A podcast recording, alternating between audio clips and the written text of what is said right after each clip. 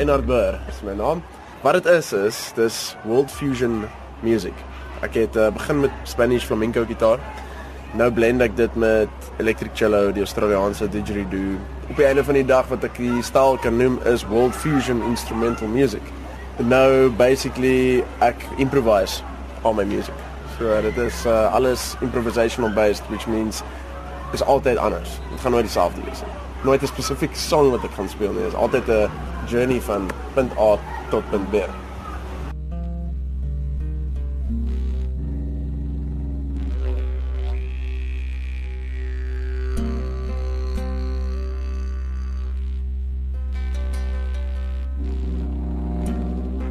Hoe kom jy by punt B?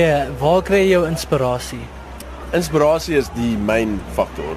Ek sal sê in enige iets as dit kom by art.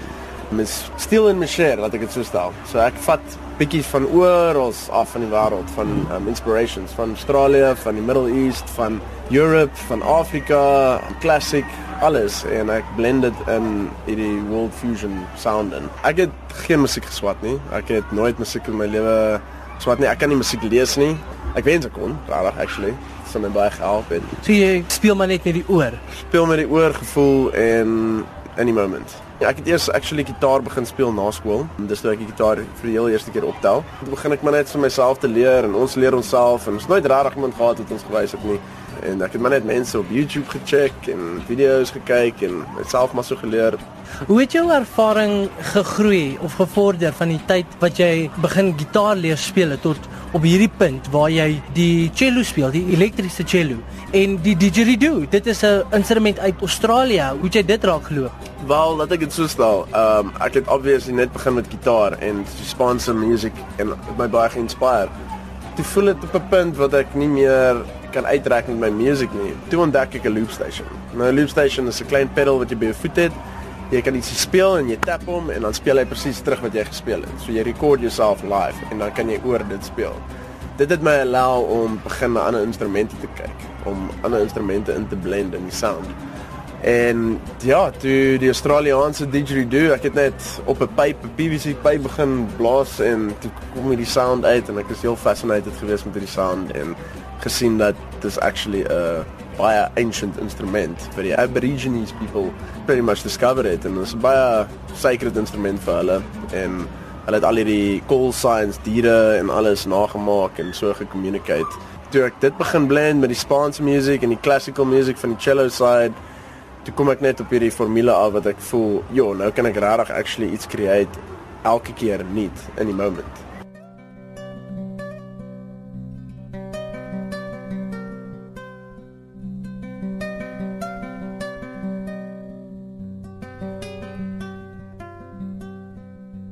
Jy het al 9 albums. Hoe het jou musiek verander van die eerste album tot en met nou? Ek sal sê obviously met die amount van different sounds en instrumente en inspirasie. Uh dit groei net by die dag. Ek uh voel musiek vir my is 'n ever evolving process. Dit dit, stop nooit. Dit hou aan elke keer, elke week as ek met iets nuuts en ek sal 'n album uitbring en ek sal letterlik oor 'n maand nie meer happy wees daaroor nie. Want dan voel ek ek het nou al weer so ver verby dit gegaan. Ek wil nou iets nuuts weer create.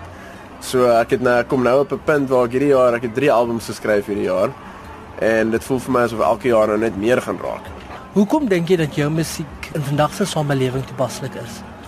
Ek dink dit is heeltemal anders as enigiets wat mense hoor gewoonlik. Ek soek altyd vir nuwe inspiration en ja, ek kry dit nie regtig enige plek wat ek doen nie en ek voel dit is 'n nuwe tipe genre amper as ek dit sou kan stel. Dit's baie onbekend in Suid-Afrika. Alles oop vir world fusion music, maar ons is baie hidden, sal ek sê. Wat is jou grootste bron van inspirasie? My grootste bron van inspirasie. Ek is 'n uh, baie gelowige mens, so ek uh, probeer in my geloof dit vind ook om te doen wat ek doen. Ek's 'n Christen en ek bid baie vir melody en creativity en alles en ek voel dit dit werk vir my die meeste van alles. Anders sou ek nie kon gedoen het wat ek doen nie.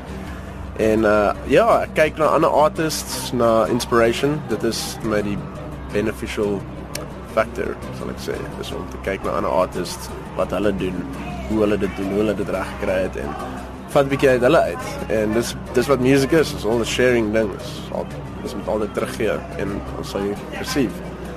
Wat is van jou grootste uitdagings veral met wat jy doen? Dis maar 'n challenge in hierdie lewe en veral in vandag se lewe om goed te skryf vir general population. Dis nie 'n uh, iets wat ek met peace gemaak het, iets wat ek nie willing is om te crack nie want dis nie ek ek het peace gemaak met die feit dat ek weet world fusion music, die tipe styl wat ek doen, is nie vir almal nie. Maar dit is vir die mense wat dit luister, dis healing music, dis fisiese frekwensies van die didgeridoo wat healing uh, frekwensies in het. En ek het my vorige album en hierdie album geskryf op 'n um frequency range van 432 Hz. Dit is 'n baie natural frequency. Dit is 'n uh, die ou symfonies het dit ook gebruik, die ou uh, classical orchestras en alles en uh, ons alledaagse music nou uh, is word op 440 Hz gebaseer. En um, baie min music sou jy sien is in 432 Hz gerekord en is baie natural, sag op die oor, warm frequency en hulle sê dit is in line met die kosmos en die aarde. En uh daar's baie theories, jy kan dit alles gaan uitcheck op Google.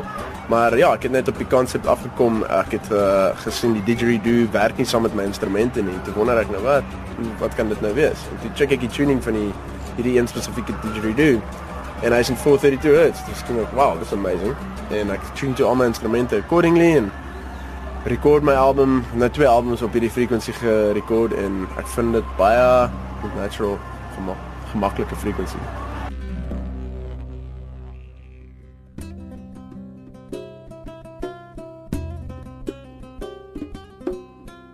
Hoe het dit jou lewe verander en wat is so terugvoer kry jy van mense wat eintlik na jou musiek luister en waarvoor gebruik hulle dit? Gebruik hulle dit net so in en om die huis of is daar ander doeleindes vir die musiek en ja. waar hulle dit speel?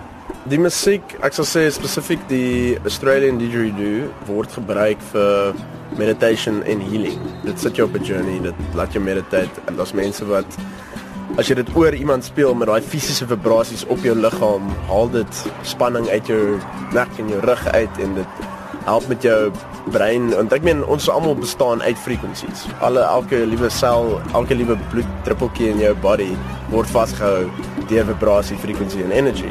En uh, musiek, fisiese vibrasie van musiek, sal ek sê, is definitief 'n groot impak op my, want ons bestaan letterlik uit daai vibrasies. So, die musiek wat ek doen het my op 'n journey gevat en uh dit is 'n never ending journey. Dis 'n journey wat ek wil share met enigiemand wat wat dit moet hoor. Dus ek dink daar's baie mense wat dit moet hoor, definitief. Musiek het baie hidden treasures. Baie.